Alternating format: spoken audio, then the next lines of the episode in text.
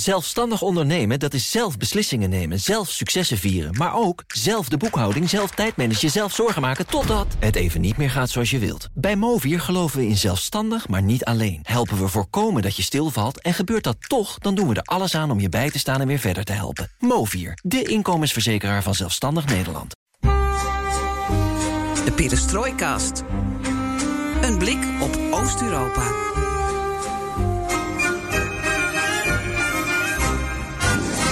Welkom bij BNR Perestrooikast, aflevering 61 van de enige podcast van Nederland die volledig oog voor het oosten heeft en geeft.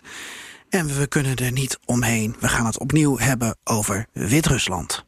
Belarus, man. Wit-Rusland. Belarus. We hebben afgesproken dat het allebei kan.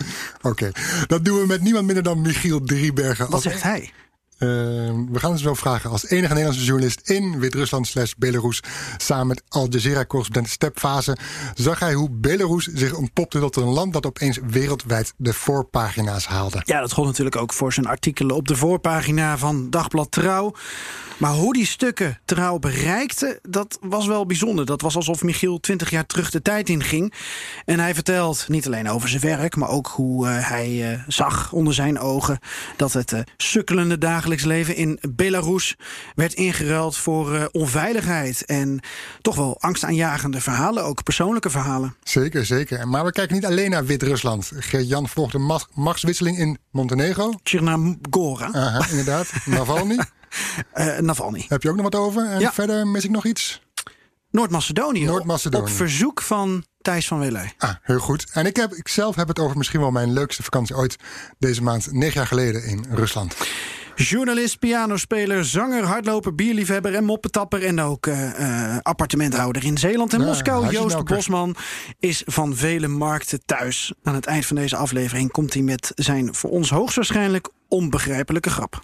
En je weet het inmiddels, alles ten oosten van de rivier de Elbe kan de komende weken, maanden, jaren in deze podcast besproken worden. En wat leuk is, is dat we heel sociaal en democratisch zijn. En dat je ideeën kunt inbrengen via Twitter, perestrooikast.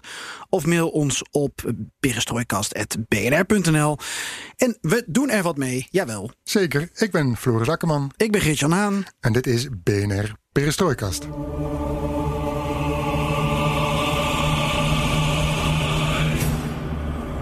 Ja, Floris, er gebeurt weer van alles in onze regio. We kunnen niet alles bespreken, maar ik geef toe, ik ga het toch een beetje proberen. Eh, ik dacht, ik giet het weer in de vorm van, eh, van, van, van lees- en luistertips. is dat, een manier? mm, ik denk een uitstekende formule. Nou, misschien heb je afgelopen week die voorpagina van Der Spiegel gezien. Met, met Das Navalny-complot. Ik had hem nog niet kunnen doorlezen, maar na een attentie van eh, gevierd boekenschrijver Schenk Scheijen bleek het toch zeer de moeite te zijn om eens in dat artikel te duiken. En wat lees je? Dat niet Angela Merkel, maar eh, de Finse president Niinisto, dat hij degene was, of zou zijn geweest, die Poetin ervan heeft overtuigd om Navalny naar Berlijn te laten vertrekken voor medische behandeling. ja, dat wist ik al. Had ik geen spiegel voor nodig. Omdat? Nou, dat dook al vrij snel, volgens mij één, twee dagen daarna al op dat hij eh, de doorslaggevende factor rol was geweest om Navalny naar Duitsland te krijgen. Jij hebt gewoon En ook Zoveel meer is- gelezen dan ik. Het is dus ook logisch, hè? Finland heeft een bijzondere band met Rusland. Deze twee presidenten die ontmoeten elkaar geloof ik zeker twee keer per jaar. Ja. Ik wil niet zeggen logisch, maar goed, er zit een, eh, eh, zit een bepaalde logica in. Is het dan nog wel een, een goede leestip? Of ga ik nu al gelijk al Nee, nat nee, met nee, mijn vorm? Nee, nee, je gaat er totaal niet nat. Want ik De dacht, v- vloer is van jou. misschien is het ook wel aardig... eh, misschien een beetje gekke leestip, volgens sommigen... maar het boek van voormalig Trump-adviseur John Bolton... dat gaat ook in op ehm, de beroemde Helsinki-top. We had a fantastic meeting, and now we're capping it with being in Finland. And the hospitality has been fantastic. Thank you. Thank you. waar Trump en Tja. Poetin elkaar ontmoeten, Die voetbal. 2018. Ja, Met een zendertje waarschijnlijk. It was a gesture of friendship after the historic summit. Mr. President, I'll give this ball to you, and now the ball is in your court. The gift of a soccer ball. That's very nice. That will go to my son Baron. We have no question. In fact, Melania, here you go. Of course, everyone joked that the Russians must have bugged it. If it were me, I'd check the soccer ball for listening devices and never allow it in the White House, tweeted Senator Lindsey Graham. Well, it turns out he might have been onto something. There actually is an electronic chip built into the ball. This is the same ball Putin gave President Trump. It's the official Adidas Telstar World Cup soccer ball. And check this out each ball has a built in communication chip. It's right here under the FIFA logo. So, how does it work? Well, you download a phone app, and every time you place your phone near the ball, it gives you the latest soccer news. Now, the big question did the Russians modify that chip to use it as a bugging device in the White House? En uh, in die top, of op die top, speelde de Nisto ook nog wel een hele bijzondere rol. Mm -hmm. um, hij werd trouwens in eerste instantie niet helemaal uh, serieus genomen door uh, beide mannen. Maar, um, uh, en Trump zei nog van Finland, is dat niet een satellietstaat van Rusland? Historisch gezien zou je dat kunnen claimen. Maar goed, um, misschien toch aardig om even dat hoofdstuk erbij te pakken. Ja, zeker. Goeie tip. Dan nu luistertips. Als je wil. Ja, graag. Ja? ja, ik vind het toch wel spannend op deze manier hoor. Want ik heb toch het idee dat ik allemaal oud nieuws loop te verkopen hier. maar ja, god, een beetje duiding hè. Mhm. Um, Oh ja. Bij BNR spreken we ook buiten de perestrooikast om met, uh, met mensen over gebeurtenissen in onze regio. Uh, jij bent bijvoorbeeld regelmatig te horen in de ochtendspits Ja. over uh, Belarus, Wit-Rusland. En deze week in het middagprogramma, waar ik dan aan meewerk ook, uh, spraken we Robert van den Noorda, onderzoeksjournalist. En die heeft een bijzonder profiel. Want hij heeft uh, jarenlang in onze regio gewoond en gewerkt als uh, IT'er. Hij heeft zich uh, op een gegeven moment is hij de onderzoeksjournalistiek ingerold en heeft hij zich verdiept in Russische propaganda. En hij heeft ook diverse scheikundige en toxicologische studies gedaan. En dan is het dus niet gek dat we hem spraken over Novichok. Uh. Op de website van bnr.nl kun je het hele gesprek vinden, maar hierbij toch alvast even een fragment. Alexei Nawalny wurde Opfer eines Angriffs mit einem chemischen Nervenkampfstoff der Novichok-Gruppe. Damit ist sicher, Alexei Nawalny is Opfer eines Verbrechens. Het spul gaat vrij snel werken. Dus hij heeft kennelijk het vliegtuig kunnen bereiken en daar begonnen die enorme krampen. Dat is wat dat spul doet. Uh, dat, dat zullen al die versies wel teweeg brengen. Dat het enorm veel pijn en krampen geeft. Uh, een hoge dosis is dodelijk. Maar hij heeft dus die, waarschijnlijk die thee gedronken. Ja, dan, ik weet niet wat er voor tijd precies tussen die thee en dat vliegtuig zat. Maar hij heeft het vliegtuig in ieder geval nog kunnen uh, bereiken. Omdat het dus oraal is. Ja, heeft die soort vertragende factor voordat het daar effect van heeft. Ja. Op het moment dat het gasvormig is en je ademt het in, dan zou het veel sneller en acuter uh, moeten zijn. Bij Skripal zou het dus, toch op een, op een deurknop gezeten hebben? Ja, dat, in dat huis in ieder geval. Het huis ja. hebben ze uit het spul zo verschrikkelijk giftig dat ze hebben het huis zelfs helemaal gesloopt uiteindelijk uh, oh ja? daarmee. Oh ja? ja. En zoals aangekondigd, je wilt het ook nog even hebben over de Balkan. Ja, we zakken gewoon steeds verder af, Mm -hmm, ja. dacht ik. Ja. Uh, vragen van luisteraars. Uh, die gingen bijvoorbeeld uh, afgelopen week en de week daarvoor over het nieuwe regeerakkoord van Noord-Macedonië. En ook over de parlementsverkiezingen in Montenegro. En bij die laatste was dan toch wel een soort hamvraag. kun je stellen dat een van de laatste dictators van Europa nu gaat vertrekken, nu Djokanovic niet in pole position zit voor de formatie? Mm -hmm. Wat wil je eerst horen? het meest spannende verhaal. Ja, dan denk ik toch Montenegro. Okay. Want uh, we gaan het ook hebben natuurlijk over uh, uh, Lukashenko straks. En mm -hmm. dan zijn er allerlei mensen die zeggen van... ja, maar Djokanovic moet je niet vergeten. Het is een beetje vreemde...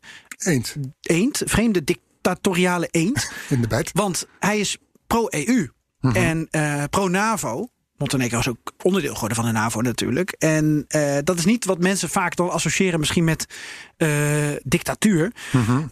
Ja, ik vroeg toch maar even aan uh, Renier Jaarsma. Die ja. zit in, uh, in Skopje. Uh, politiek analist. Nou, allereerst hoe hij keek naar uh, Djokanovic. Um, is er nou een dictator of niet? Ja, dat zou je zo kunnen stellen. Maar ik vind zelf de noemer van dictator iets te stellig om Djokanovic mee aan te duiden. Kijk je inderdaad naar hem als langzittende leider van Europa, ja, dan valt er inderdaad wel iets voor te zeggen. Na drie decennia waarin de oppositie ook vakkundig de mel werd gesnoerd. Maar Djukanovic is ook geen Lukashenko, hij is ook geen Poetin. Ik zou hem zelf eerder in het kamp van Vucic en Orbán scharen. Is autoritaire leiders die constant op het randje van het toelaatbare balanceren. Maar dat hij nu niet in de pole position zit, ja, dat is dan weer een, uh, een soort eufemisme. Het was echt een politieke aardverschuiving in Montenegro afgelopen zondag en Djukanovic's dagen lijken vooralsnog geteld. Het zou niet de eerste keer zijn dat hij nu tijdelijk niet zelf aan de macht is. Maar het is wel zeker de eerste keer dat hij zo'n duidelijke nederlaag heeft geleden. En dat de oppositie, die toch ja, lange tijd op sterven na dood was, zelf nu een regering kan gaan vormen. Ik ben ervan overtuigd dat ze dat gaat lukken. Ze hebben een parlementaire meerderheid. Die heeft Jukanovic simpelweg niet. En de opkomst was ook heel erg hoog. 75% opkomst. Dat je ook wel kan spreken van een democratisch mandaat voor verandering. Ik zie wel dat men in Balkancirkels daar met een dubbel gevoel naar kijkt. Ik heb verrassend veel analisten voorbij zien komen die in Djukanovic toch nog wel een stabiele factor zien, uh, die ook in Brussel relatief warm wordt onthaald. Het probleem waar men nu mee zit, is dat de gekozen oppositie bestaat uit een mengelmoes van een aantal toch wel extreme partijen. Zo is het pro-Servische partijverbond De Toekomst van Montenegro rabiaat rechts. En willen zij vooral de banden met Servië en Rusland aanhalen en dus niet met de EU. Toch hebben ze wel die angel er meteen uitgehaald, de oppositie, met statements waarin ze ook zeggen dat ze qua buitenlandbeleid dezelfde koers willen varen. Dat was een belangrijk statement, want er kwamen de afgelopen dagen ook wel verhalen naar buiten van minderheidsgroepen in Montenegro, hè, vooral van Bosniaken en Albanese, eh, die in de winst van de pro-Servische partijen een terugkeer naar de jaren negentig zien. Critici vanuit de oppositie zeggen dan weer dat dit door Djukanovic zelf wordt georchestreerd. Hij zou de minderheden proberen in opstand te laten komen tegen de oppositiepartijen, door ze als gevaarlijk en racistisch en extreem rechts af te schilderen. Nou is dat een tactiek die we in de Balkan uh, en ook daarbuiten in Oost-Europa natuurlijk al veel vaker hebben gezien. Dus dat is ook een argument dat niet zomaar valt te weerleggen. Hoe dan ook, Djukanovic zal zeker een stapje terug moeten doen. Nou, dat was dus hoe Reinier kijkt naar de situatie in Montenegro. Dat blijven we natuurlijk volgen. Mhm. Maar dan heb je nog Noord-Macedonië. En die vraag van Thijs van Welij eerder, die ging over... ja, is er al een, een A4'tje? Is er al een regeerakkoord? Uh, en, en is dat dan één A4'tje of zijn het heel veel pagina's? Nou, Ranier legt uit, een beetje uh, wat meer gericht op uh, de poppetjes ook... die dat regeerakkoord hebben samengesteld, hoe het eruit ziet. Ja, de sociaaldemocraat Zoran Zaev is erin geslaagd om een tweede termijn als premier binnen te halen. Ondanks de nog altijd vrij populaire naamswijziging van het land naar Noord-Macedonië. Maar dat ging wel met de hak over de sloot, want zijn nieuwe coalitie bestaat uit maar 62 van de 120 parlementsleden. Een hele krappe meerderheid dus. Ook zijn er vrij veel concessies gedaan aan de Albanese minderheidspartij, de Democratische Unie voor Integratie, ook wel DUI. Deze wilde aanvankelijk dat er voor het eerst een Albanese premier zou komen, maar die komt er nu alleen voor de laatste 100 dagen van het regeringsmandaat. Ook krijgt het land voor het eerst een Albanese minister van Buitenlandse Zaken. Nou, grappig weet je, hiermee zijn er nu drie Albanese ministers van Buitenlandse Zaken op de Balkan, namelijk die in Albanië, in Kosovo en nu dus ook in Noord-Macedonië.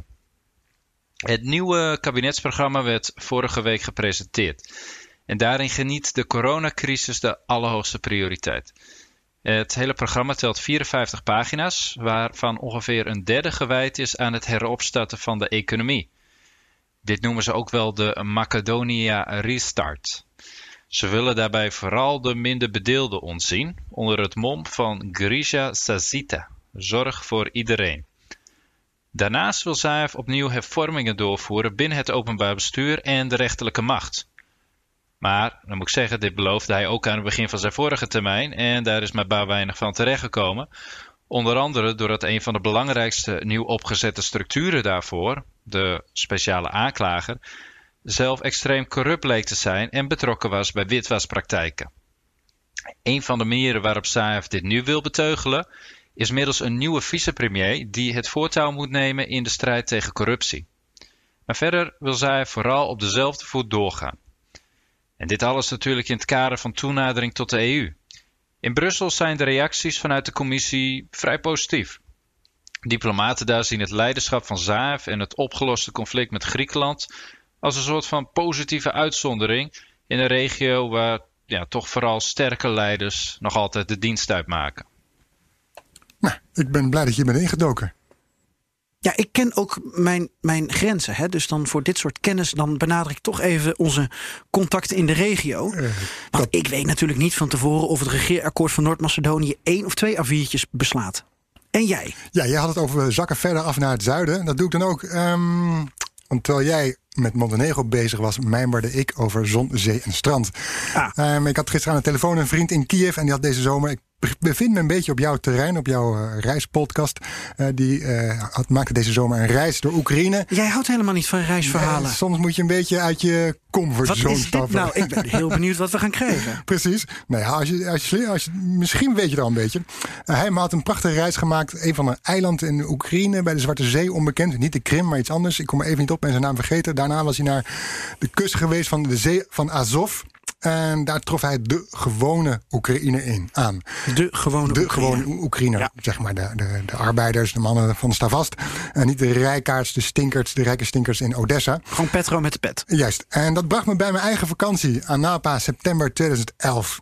Zon, zee, blauw, parasols. Het leek soms wel Hawaii. Als je van een bepaalde invalshoek, van een bepaalde hoek keek. En ehm, wat je trof, hè, je hebt aan die, aan die Zwarte Zeekust allemaal van die kiezelstranden. En wat je heel veel Russen zag doen, was staand zonnen. Niet eentje, en dan staan ze zo met de handen wijd verspreid. Maar tegen van die warme tegels aan of nee, midden nee, op gewoon midden op het strand. Ja, het is, het is 30 graden was het daar in september. Oh. En dat is toch om zoveel mogelijk zonlicht Dat ook onder je oksels Precies. het lekker bijkleurt. Precies. Dat je niet zoals wij Hollanders eh, gewoon strak op de, op de handdoek liggen. Nee, Ja. ze pakken zoveel mogelijk zon. Ehm, dus ja, poepie bruin waren ze natuurlijk daar. Ehm, er was ook nog s'avonds een openluchtdisco. Nou ja zeg. Ja, dat is echt helemaal geweldig. Daarin eh, maakten we binnen de kortste tijd allemaal vrienden. Stond je daar gewoon in, met, met, alleen met wijn. wat, wat, wat, voor, wat werd- voor muziek wordt daar dan gedraaid? Ehm, nou, daar kom ik zo meteen een beetje op. Ja, dat was van die foute Russische discomuziek. Wel echt dat de volgende dag en de dag daarna nog helemaal in je hoofd blijft hangen. ja. En, eh, maar ja, binnen de kortste keren zat je met eh Sergej uit Jekaterinburg te kletsen en te dansen. En was het één Dus jij zat met. Sergej te dansen. Ja. Wat vond je vrouw daarvan? Die moedigde het aan, ja. Die dacht even rust. En, ehm, en was ook, we gingen ook ergens eten, een sushi, een beetje zo jaren negentig, van, van die witte banken achter, van die loungebanken. En wat stond er in die sushi bar? Was een grote tent met een soort van, van eh, podium op de achtergrond. Dat die avond, ik heb het gemist, de volgende band optrad. Ja.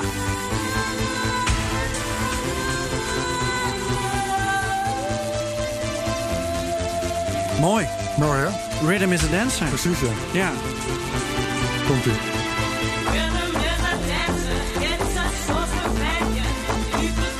Oh, dit, dit brengt me ook terug naar al die foute tentjes waar ik ben geweest. Ook in Kiev en Boekarest, waar dan van die diplomaten en, en veel te rijke ambassadeurs met van die jonge Oekraïense of Roemeense vrouwen Ja, dan staan te precies, dansen die niet eigenlijk, precies, waar ze niet mee getrouwd zijn. oh, heerlijk. Snap, hè, geloof ik. Ja, Snap Rhythm a Dancer. die trad er die avond op. Eh, ja, ik had niet, niet naar geweest het eigenlijk moeten doen. Maar ja, die- sfeer was het toen. eh, Ja. dat was, ja, was echt zo mooi. Eh, Alle westerse mannen, ook al zijn ze oud of foei lelijk, krijgen prachtige vrouwen. En jij staat met Sergej uit Jekaterinburg. maar dat was een andere avond. Een andere avond. Oh ja, en je mist dan ook nog. Nou ja, oké. Ja. Maar goed, het was, het, was, het was schitterend. Het geeft een beetje meteen de sfeer aan waar je leefde. Nou, zeker. eh, waar je zat. Ehm, als je ook buiten uh, Anapa fietste, dan kwam je uit bij die zomerkinderkampen die uit de Sovjet-Unie nog bestaan. En die nog helemaal zo eruit zien met van die wandschilderingen, mozaïeken en vliegtuigen, eh, eh, standbeelden of van die beelden, monumenten eh, bij de, bij de entree, bij de oprit. En je had een vliegveld van Anapa. En dan, ja, dan moest je spullen afhalen van een soort boerenkar. Daar moest je je koffer vandaan halen. Dat was heel primitief. Inmiddels heeft Anapa een nieuw internationaal vliegveld. Oh ja. En het blijkt dat de inwoners van de Krim. Want die kunnen wel, daar is in Simfer- Simferopol is ook een nieuw vliegveld. Maar ja, alle internationale vluchten gaan niet. Ehm, die pakken dus de auto, gaan over die beruchte Krimbrug. En eh, staan dan rechtsaf, als ik me niet vergis, naar Anapa. Om vervolgens vanaf daar eh, hun vakantie eh, ver weg in te slaan. Mooi. Dat was Goed verhaal, zeg. Ja, zie je wel dat je het kan? Mooie reisverhalen, mooie anekdotes. Ja, maar dit zit, dit, zit, dit zit diep van binnen. Ik merk het. Ja. Ja.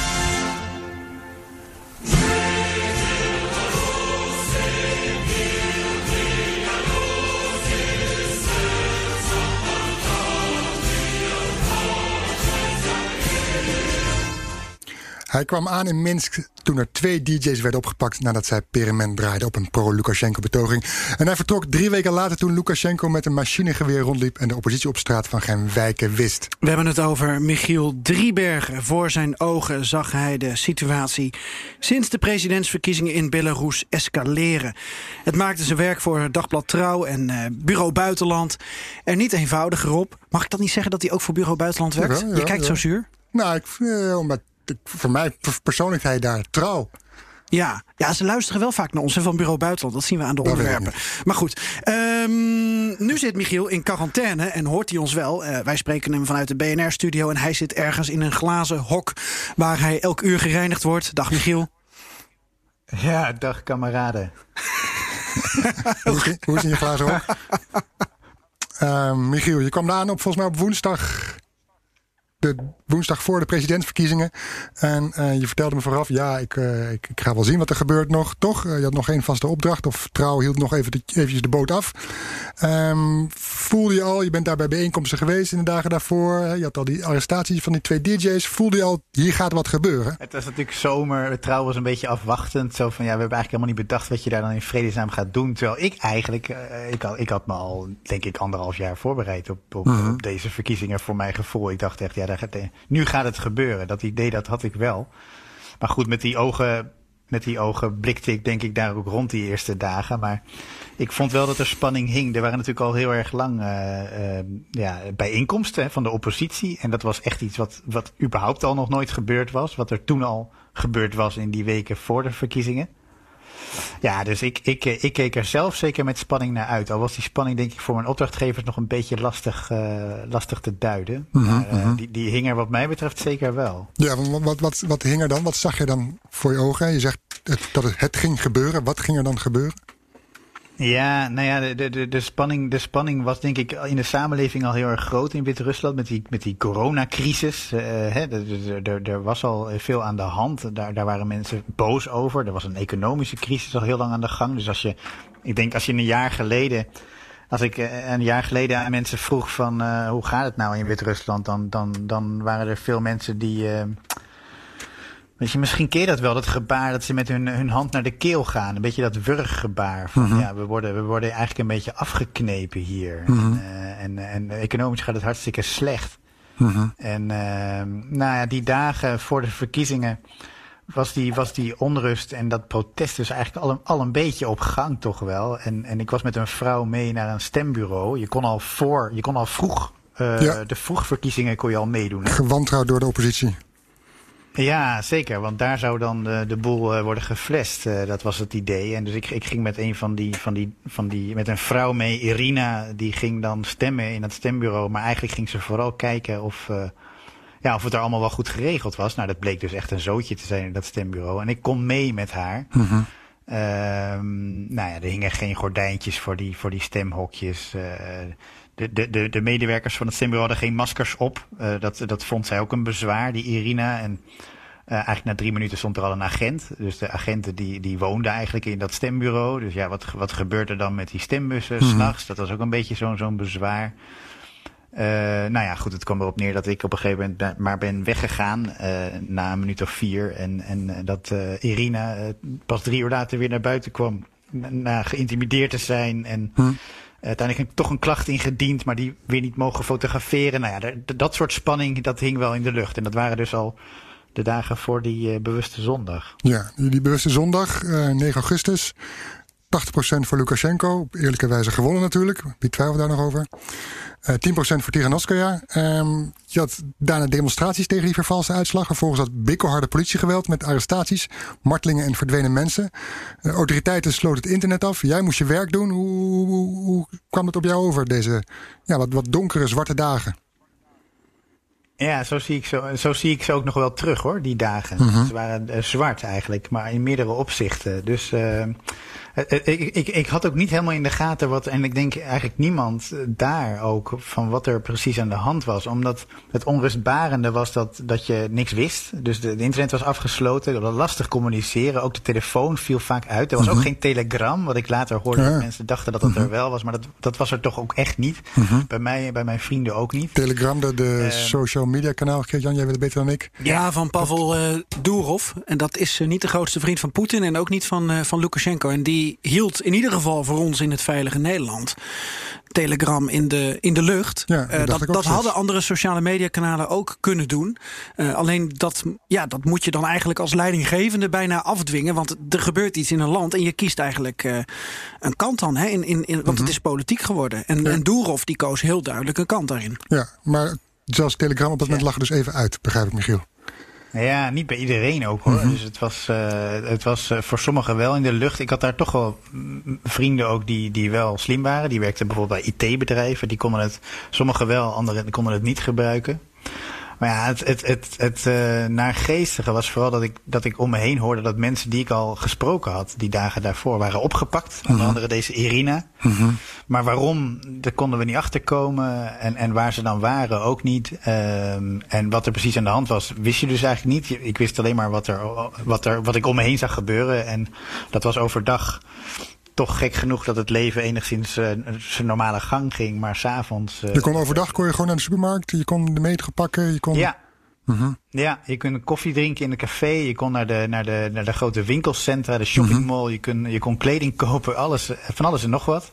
Geen internet, dus vaak was betalen lastig met, ja. met kaart. Uh-huh.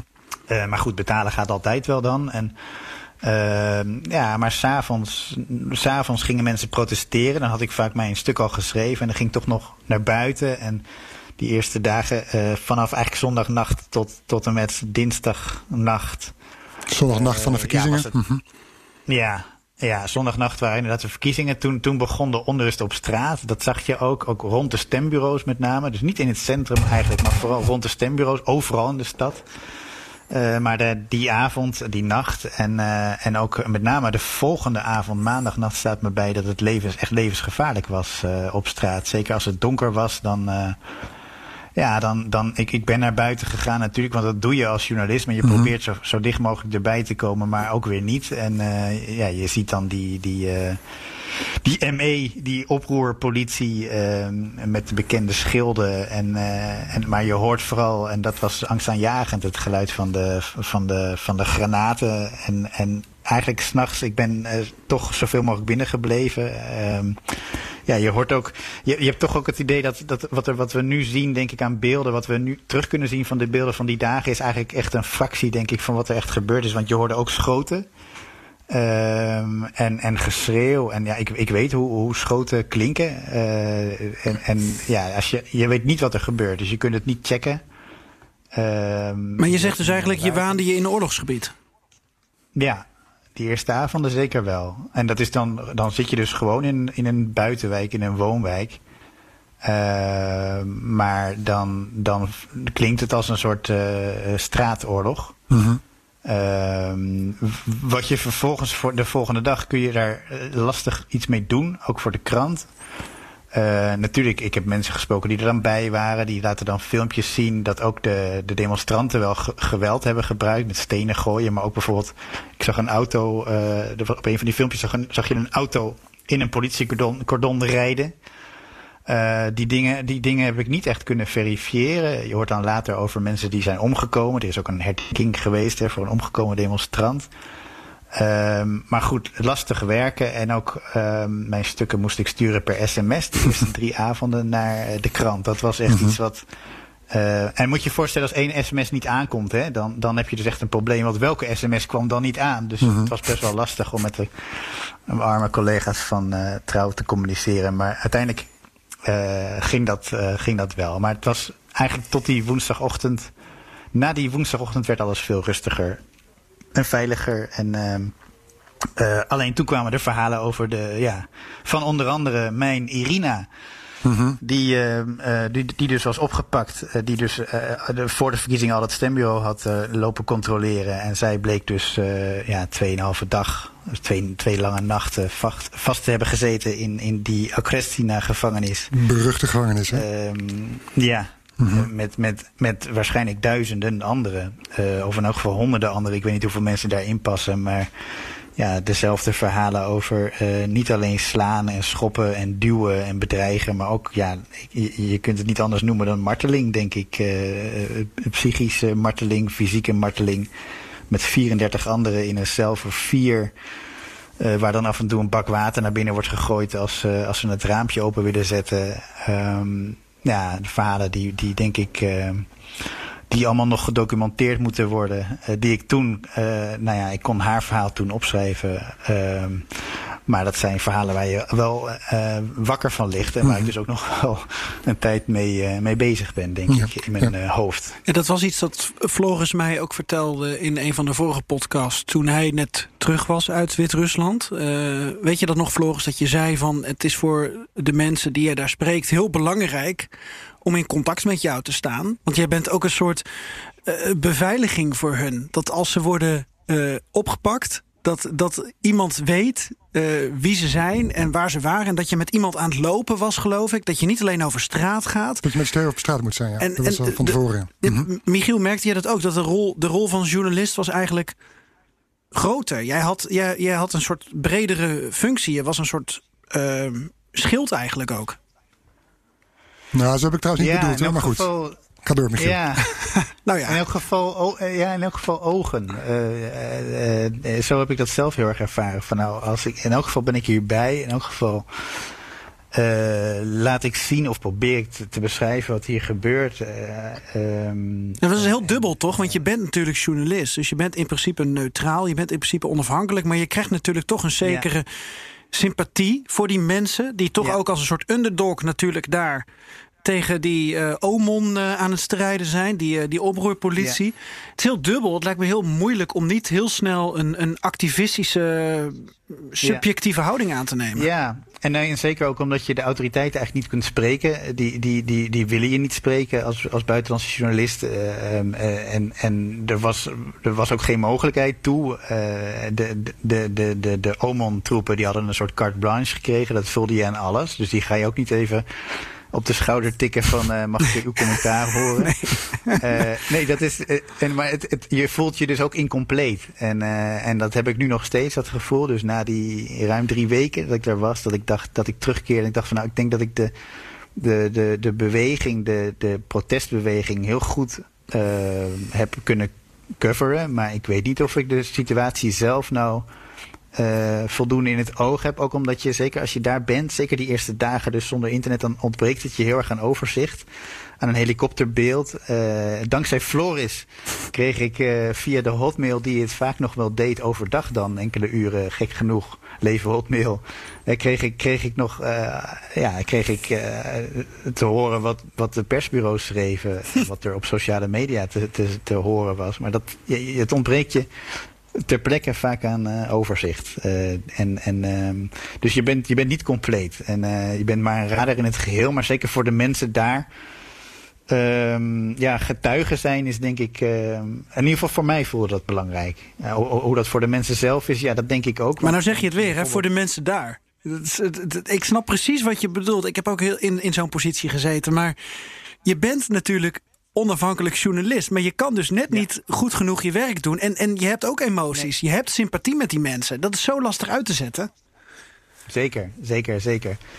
Um, want ja, hoe check je verhalen? Hoe check je bijvoorbeeld wat er in de gevangenis uh, echt is gebeurd? Uh, heeft, uh, heeft Irina niet de dingen overtrokken die ze gezien heeft, die ze ervaren heeft? er zijn natuurlijk genoeg getuigenverhalen om, om, om voor mij in elk geval niet aan haar verhaal te twijfelen. Dat zij per se uiteindelijk met haar naam, volledige naam in de krant wilde, dat was voor mij, gaf voor mij ook iets betrouwbaars aan haar verslag. Maar laat ook zien dat voor haar die getuigenrol van mij blijkbaar belangrijk is. Dat ze wil weten, laten weten, laten zien aan de buitenwereld wat er met haar gebeurd is. Ook al kan dat voor haar consequenties uh, uh, hebben. Ja, ja.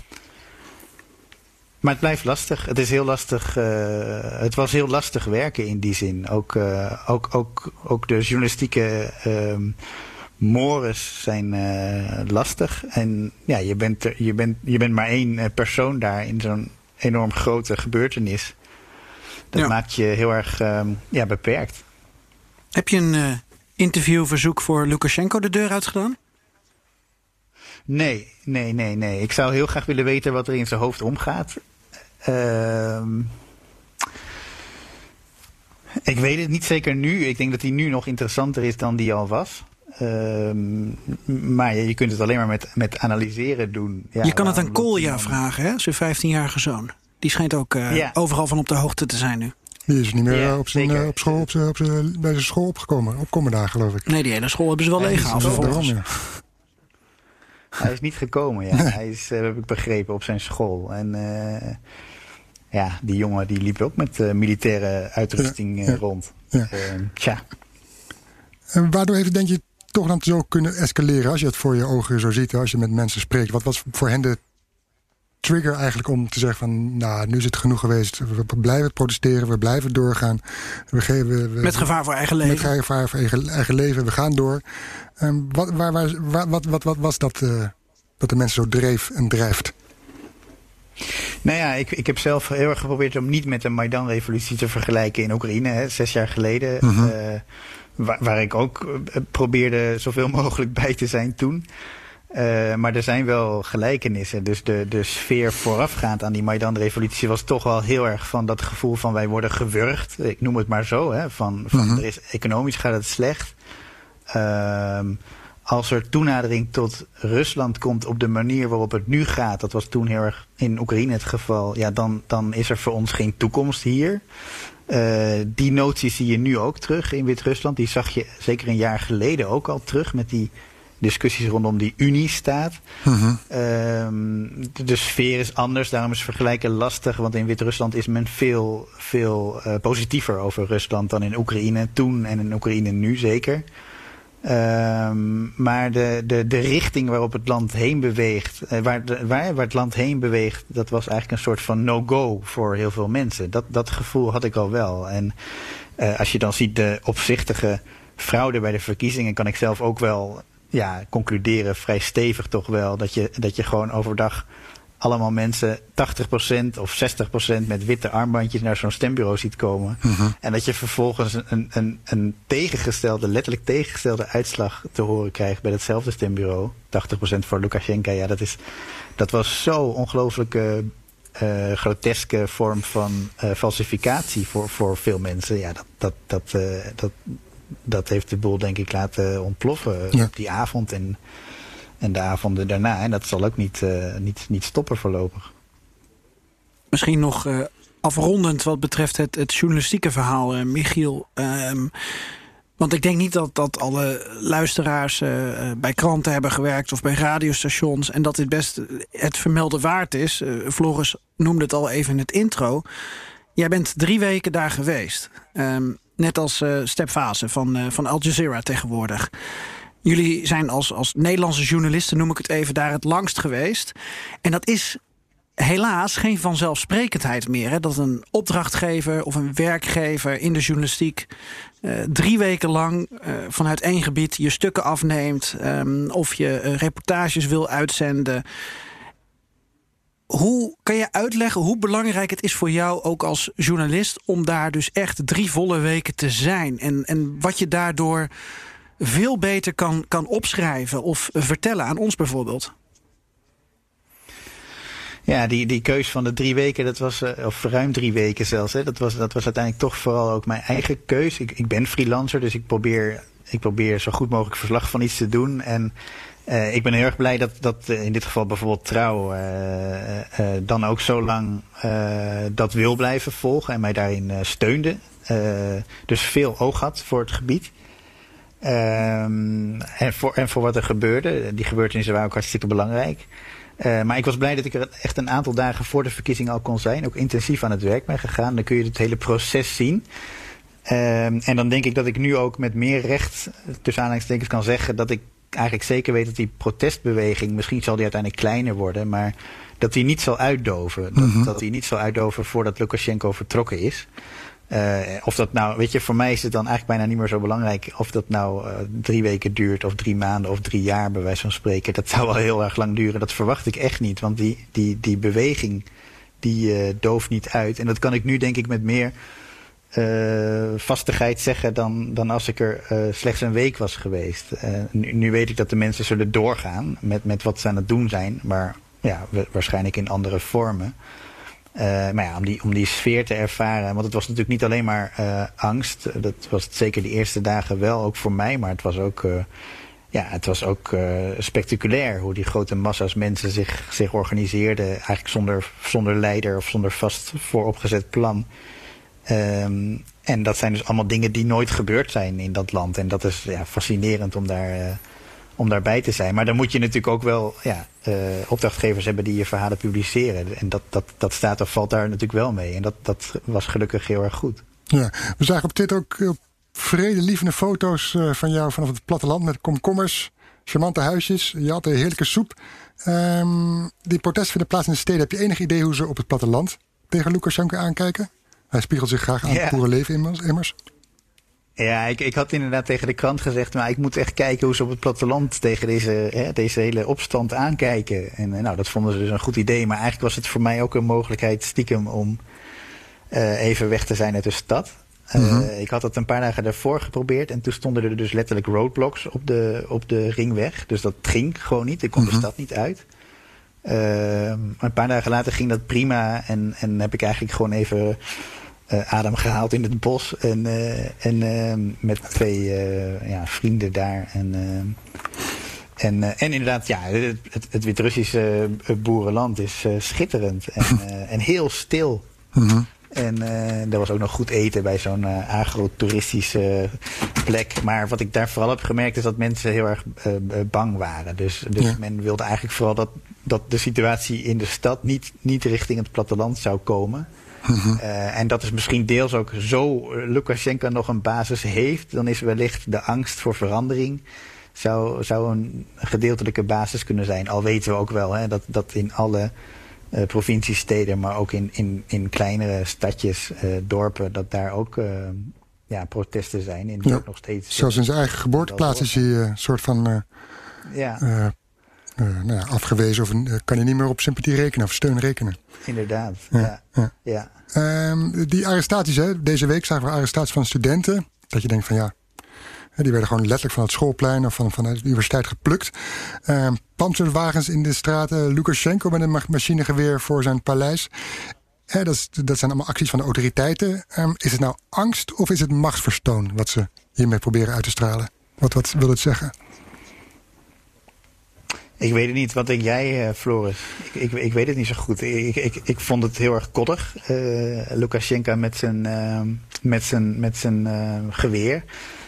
ook na een dag waarvan, waar ik bij was. Dus je ziet dan, je ziet dan dat, dat de demonstranten werkelijk niet aan het provoceren zijn. Ik wist ook zeker dat ze niet die versperring door zouden breken. Mm -hmm. Dus als je dan een uur later zat ik in mijn appartement en ik zat mijn stuk te typen en ik zag ik zag uh, wat iedereen zag op dat moment. Hè? Lukashenko in vol ornaat met een wapen. Ja, dat is echt, dat is idioot. Mhm. Mm -hmm. dus zelfs in die context uh, zag het er heel erg gek uit. Um, ja, wellicht is het een manier om een verhaal te creëren. Uh, ooit. ja, van een mogelijke of op handen zijnde koep of iets dergelijks. Mm -hmm. um, ik weet het niet. Ik vind het heel lastig om in zijn, om in zijn gestel te duiken, mentale gestel, zeg maar. Ja, deze dagen is het topoverleg, hè? dus in Minsk in Moskou. Uh, ministers, premiers ontmoeten elkaar. Komt een ontmoeting aan tussen Lukashenko en Poetin. Um, ik krijg dan de vraag van hoe gaat het nu verder? Uh, heb je het idee dat... Wat, wat, is jouw idee? Heb jij het gevoel dat de oppositie op dit soort gesprekken zit te wachten? Tussen Minsk en Moskou? Nee, zeker niet. Ik, ja, nee, ja, de oppositie zit hier natuurlijk zeker niet op te wachten. Althans niet op deze manier. Uh, alleen ik denk dat Rusland uiteindelijk wel met een oppositie zou kunnen praten. Uh, mm -hmm. Nu lijkt het er een beetje alsof, alsof uh, Lukashenko eigenlijk een soort overgangssituatie of overgangsregering is voor, voor een grotere rol van Rusland. In nog grotere rol van Rusland in, Mhm. mm -hmm. in hun buurland. Uh, en dat Lukashenko zo lang mogelijk mag blijven zitten. Uh, totdat uh, Rusland de zaakjes ja, naar hun wens op orde hebben. Ja, Lukashenko staat zwak natuurlijk. Dus ze kunnen ja, doen en laten met hem wat ze willen. Daar lijkt het inderdaad op. Mm -hmm. ja. um, en, en op lange termijn is het voor de demonstranten denk ik echt een, echt een, een punt dat Lukashenko weg moet. Um, en ik ik weet dat er onder hen velen zijn die, uh, die, uh, die veel met Rusland hebben. Die uh, voor Russische bedrijven werken, et cetera. En helemaal geen hekel aan Rusland hebben. Maar de vorm van een uniestaat, als daar weer aan wordt gedacht van echt nog nauwere integratie, dat dat voor hen ook eigenlijk een uh, onbegaanbare weg is voor, voor een toekomst. Voor, voor, veel van deze demonstranten geldt dat, denk ik. Dus die, die, want, want? De, de, houding van hen is heel, heel genuanceerd, denk ik. Niet zwart-wit, maar wel van ja. Um, een samenwerking met Rusland, bondgenootschap, prima. Maar een uniestaat, um, liever niet. En, uh, en, en die, dat liever Wat gaat daarin te ver? groter worden. En dat, ik denk dat dat te ver gaat voor de meeste demonstranten, absoluut. Ja. Want waarom? Wat, wat zien ze daar niet in zitten? Ik denk toch dat, dat uh, er zit ook, een, er, er zit ook een. Uh, een um, ze noemen het zelf niet zo, maar ik zou het zelf, ik zou het zelf zo noemen: een soort patriotisch element in deze mm -hmm, ja. beweging. Dus er zit ook iets. Een rood-witte rood vlag. Juist, precies. Daar zie je het al aan, hè? Zo'n ja. symbool. En, en we zijn allemaal samen en we kunnen dus samen een nieuw land bouwen op een of andere, een of andere manier. Er zit dus ook veel hoop in. Um, en ik denk dat, uh, dat als die hoop uh, zou worden gekanaliseerd door een, door een buitenland, welk buitenland dan ook, dat dat echt averechts werkt. En dat, en dat die energie of die woede die zich nu op Lukashenko richt, dat die zich ook op uh, een buitenland kan richten. En ja. dat kan dus ook Rusland worden. Ja. Je zit nu in, in Nederland. heb je nog contact met Irina? Hoe is het met haar? Ik heb uh, weinig direct contact met haar, maar ik weet hoe het met haar gaat. Ik weet dat ze echt herstellende is, maar zij is wel iemand die elke dag moet werken om rond te komen. Um, dus um, ja, ik ze gaat nog wel de straat op, ondanks de ervaring in de gevangenis. En... Ja, dat is, dit is iemand die niet, uh, die niet, uh, die niet ophoudt. Mm -hmm. Die, ook niet, die ook niet zal. die niet voor bedreiging. Het ergste is er eigenlijk al overkomen, zo ja. zou je kunnen zeggen. Ja, ja. Oké. Okay. Dankjewel, Michiel Driebergen, voor je nou ja, bijzondere drie weken dat je ons hebt geïnformeerd over wat zich in Minsk en daarbuiten plaatsvindt uh, voor Trouw en VPRO's buit, Bureau Buitenland. En blij dat je ook bij ons te gast bent nu geweest. Dankjewel. Insgelijks uh, dank, heren. Joost Bosman, daar ben je weer. Ja. Uh, we hadden eerder deze week even contact en toen vroeg je wat voor mop je eigenlijk uh, kon brengen. En toen zei ik eigenlijk ja, iets zo, zo plat, zo ordinair, zo seks mogelijk. En uh, jij schreef eindelijk als een soort van, van opluchting. Je mag los. Ja, ja. Nou ja, ik, ik, ben, ik, ben, ik heb er toch maar niet aan gewaagd. Ik dacht namelijk dat je een grapje maakte. Oh, dus we krijgen toch een keurige versie van uh, ja, Poetin. Het is, uh, nou, het is, het is wel een hele harde mop. Oh, nou, Mag dat ik, ook? Ik hoop dat, dat je daarmee wat goed maakt. En een actuele mop. Als we maar afspreken dat we binnenkort een schuine mop platte mop van je tegenkomen. Schuine bakken, die schud ik ja. zo hard omhoog. Daar uh, draait mijn hand niet van om. Oké, okay, maar eerst nog dus even de, de keurige harde mop. Ik zou zeggen, reserveer er de volgende keer maar een hele podcast voor. Is goed, is goed. Goed, komt-ie. Ja, uh, gaat over Navalny. We weten, hij is uh, van de week uh, is verklaard door de Duitse autoriteiten... dat hij inderdaad vergiftigd is met waarschijnlijk dat Novichok... En uh, ja, Dmitri Peskov, de Kremlin-woordvoerder, woordvoerder van, van Poetin, uh, die, die uh, houdt een persconferentie en kondigt aan dat er nu toch een, een strafzaak geopend gaat worden. Zo. Dus de ja, journalisten voor zijn neus die zijn hooglijk verbaasd natuurlijk. En, en een van de journalisten die vraagt, ja, is er dan al een, hebben jullie al een dader op het oog? Nee, zegt uh, Peskov, maar uh, we gaan het tot op de bodem uitzoeken. En we zullen hem pakken en we zullen hem bestraffen. Die vuile smeerlap die uiteindelijk het leven van Navalny gered heeft. nou, dat is dan die arts, of niet? Of wie gaat het worden? Ja, waarschijnlijk. Hè. Een kluitje artsen, de piloot. De, de piloot, ja. De piloot, ja. De piloot, die is natuurlijk als eerste begonnen met de route in het eten ja, daar ging iets mis. Dat hadden ze nooit verwacht. nee, ja, nou ja, het is wel snel natuurlijk. Ja. Ja, mooi mop, Joost. Dank je. Dank je wel. Ik heb voorzichtig gelachen, omdat het toch een beetje een triest verhaal is. Ja, ja, maar goed, dit zijn harde moppen die je ook in ja. Rusland hoort. Die horen en, erbij. Die horen erbij en die moeten ook gemaakt worden om de boel uh, ja. te, te bekritiseren. Humor is het beste. Ja. ja. Oké, okay, man. Ben ik met je eens. Dankjewel. En uh, ja, ik kijk uit naar die schuine mop. Okay. Verras me de volgende keer. Ons. Ik ga ze, ik ga ze allemaal eruit gooien. Is goed. is goed. Groetjes, hè? Ja, pakka, pakka. Pakka, pakka. Малинка, калинка моя, в саду ягода, малинка, малинка моя.